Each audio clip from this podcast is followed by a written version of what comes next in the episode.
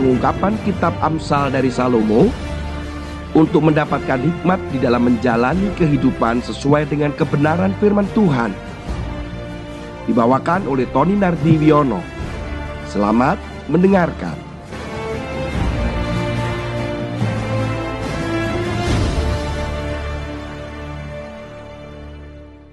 Shalom Bapak Ibu sekalian. Beberapa waktu yang lalu saya menonton sebuah film yang cukup lama sekali durasinya. Karena itu adalah film debutan tahun 2019 dengan judul Highwayman. Saya nonton, saya lihat kadang saya merasa bosan tetapi ternyata dari cerita yang dimunculkan ini adalah cerita dari sebuah kisah nyata karena saya juga menyenangi film-film yang sifatnya adalah dokumenter ataupun kisah nyata. Ini adalah kisah nyata dari seorang pasangan Bonnie dan Clyde. Ini adalah perampok yang romantis yang legendaris. Mereka hidup di tahun 1900-an dan terkenal dengan aksinya yang nyentrik di mana sering membawa kamera untuk berpose dengan korban ataupun mereka berpose romantis. Prestasinya sangat luar biasa sekali karena dia berhasil merampok beberapa bank di beberapa negara bagian di Amerika. Aksinya cukup membuat kepolisian sangat terusik karena pasangan ini selalu lolos di dalam penangkapan-penangkapan yang dilakukan. Mereka selalu bisa meloloskan diri kemudian pindah ke negara bagian yang lain untuk kembali melakukan aksi perampokan. Bukan hanya perampokan bank, pom bensin, toko, apa pun dia bisa lakukan. Itu menjadi sesuatu yang sangat menyenangkan. Dan tidak segan-segan Bonnie and Clyde ini juga melakukan pembunuhan secara kejam tanpa pandang bulu. Kisah-kisah perampokan mereka, foto-foto mereka itu diunggah di berbagai surat kabar sehingga banyak simpatisan bukannya membenci, bukannya berusaha untuk menangkap dari pasangan ini, tetapi malah mereka simpatik. Mereka sangat mengagung-agungkan. Bahkan di saat kematiannya pun banyak orang yang menangis. Bayangkan perampok yang kejam yang berhasil merampok bank dengan aksi bunuh dengan aksi beraninya untuk membunuh orang. Hal itu malah menjadi simpatik banyak orang. Perjalanannya berakhir di Texas ketika dijebak oleh polisi dan dibombardir dengan tembakan yang membabi buta ke arah mereka saat mereka mengendarai kendaraan Kurang lebih setidaknya ada 50 tembakan yang dilemparkan atau diledakkan diarahkan kepada mereka sehingga membuat mereka tewas. Di mana di mobil juga ditemukan berbagai amunisi dan alat-alat yang mereka gunakan untuk merampok. Di akhir cerita itu, di film itu juga saya melihat Eh, ketika mobil itu diarak ke kota, semua orang pada menangis, rakyat dan masyarakat di sana menangis. Saya jadi heran kenapa perampok yang kejam itu ditangisi banyak orang. Itu adalah perbuatan keji, perbuatan kejam. Orang sudah tidak bisa melihat lagi mana yang jahat, mana yang baik. Yang jahat menjadi simpatik banyak orang yang curang orang ingin melakukan. Mungkin penjahat ini, perampok ini dianggap menjadi orang yang sukses. Sehingga mereka pada simpatik pada perampokan. Saudara, firman Tuhan katakan di dalam Amsal pasal yang ketiga.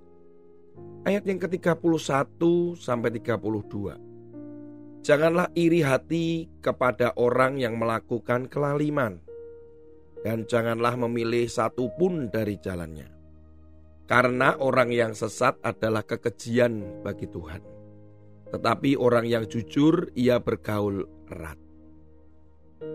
Jangan iri hati kepada orang yang melakukan kelaliman. Apalagi dikatakan jangan memilih satu pun dari jalannya. Tuhan sangat membenci semua perbuatan yang lalim. Lalim itu adalah perbuatan yang jahat. Mengapa manusia iri dengan perbuatan lalim atau perbuatan jahat? Bukan karena perbuatan jahat yang tentunya ada resiko, tetapi hasil dari perbuatan jahat yang sering kali membuat kita iri. Orang itu sudah korupsi tapi mengapa nggak ditangkap tapi dia menikmati korupsinya.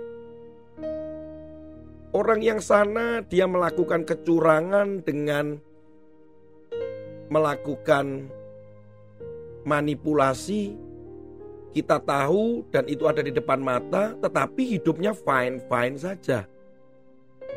Mereka hidup dalam kemewahan dan sepertinya bahagia bersama dengan keluarganya. Di dunia politik pemerintahan kita melihat hal-hal itu seperti wisandiwara atau panggung. Di mana kita tahu perbuatan jahat mereka, perbuatan licik mereka. Tetapi mereka tetap baik-baik saja dan sepertinya tidak terjadi apa-apa. Hasil dari kejahatan itulah yang membuat sering kali kita berpikir mengapa kita tidak melakukan hal yang sama. Oh hasilnya juga bisa kita rasakan seperti mereka menikmati hasilnya. Saudara, beberapa puluh tahun yang lalu, saya melakukan atau mengikuti perbuatan lalim seperti itu. Pada zaman itu, saudara, kalau masih ingat, telepon umum itu ketika sudah mulai masuk di dalam digital system, maka kita mengenal dengan nama ada kartu magnetik, kartu telepon magnetik yang bentuknya tipis dengan berbagai gambar, warna, dan foto. Setiap kartu pasti ada nominalnya untuk dibeli. Dan saat itu ada beberapa teman saya itu dia bisa mendapatkan free atau gratis dengan puluhan ribu nominal di situ sehingga bisa telepon dengan free. Caranya bagaimana dan supaya mendapatkan itu tanpa membayar, saya mulai mengamati dan saya mulai terlibat di dalamnya. Bahkan saya ikut menjual kartu-kartu magnetik yang dapat diisi ulang dengan harga yang lebih murah. Para mahasiswa saat itu juga tertarik dan membelinya. Saya ke mana-mana punya namanya kartu master untuk mengisi uh, pulsa atau mengisi rupiah nominal untuk kartu tersebut. Saudara saya pikir saat itu perbuatan lalim kenapa nggak dilakukan? Toh akhirnya saya juga mendapatkan keuntungan. Saya mengikuti teman-teman yang lain karena mereka melakukan dan mereka bisa mendapatkan uang saku dan mereka bisa menikmatinya. Tanpa sadar itu semuanya adalah kekejian bagi Tuhan. Puji Tuhan saya bertobat, saya tidak melakukan itu lagi. Bayangkan, saudara, saya pada kondisi yang saya sudah percaya Yesus, saya mengikuti Yesus, bahkan saya sudah melayani sebagai guru sekolah minggu, saya sebagai WL, worship leader, tapi jatuh juga karena diawali dengan keirian, keinginan.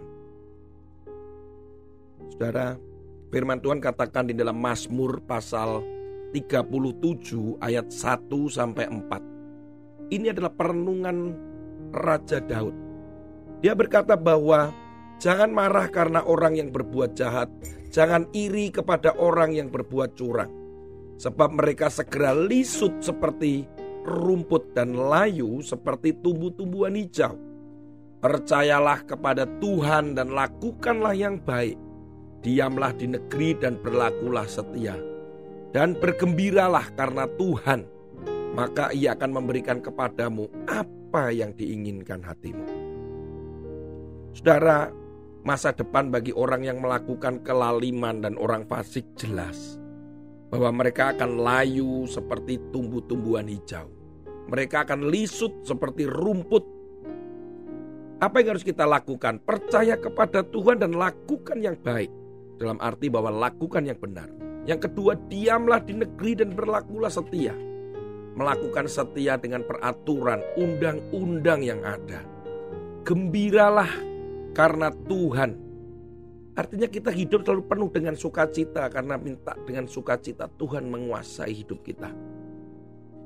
Maka Tuhan akan memberikan kepadamu apa yang diinginkan hatimu tanpa kita harus berbuat yang lalim dan jahat. Mari kita bertobat.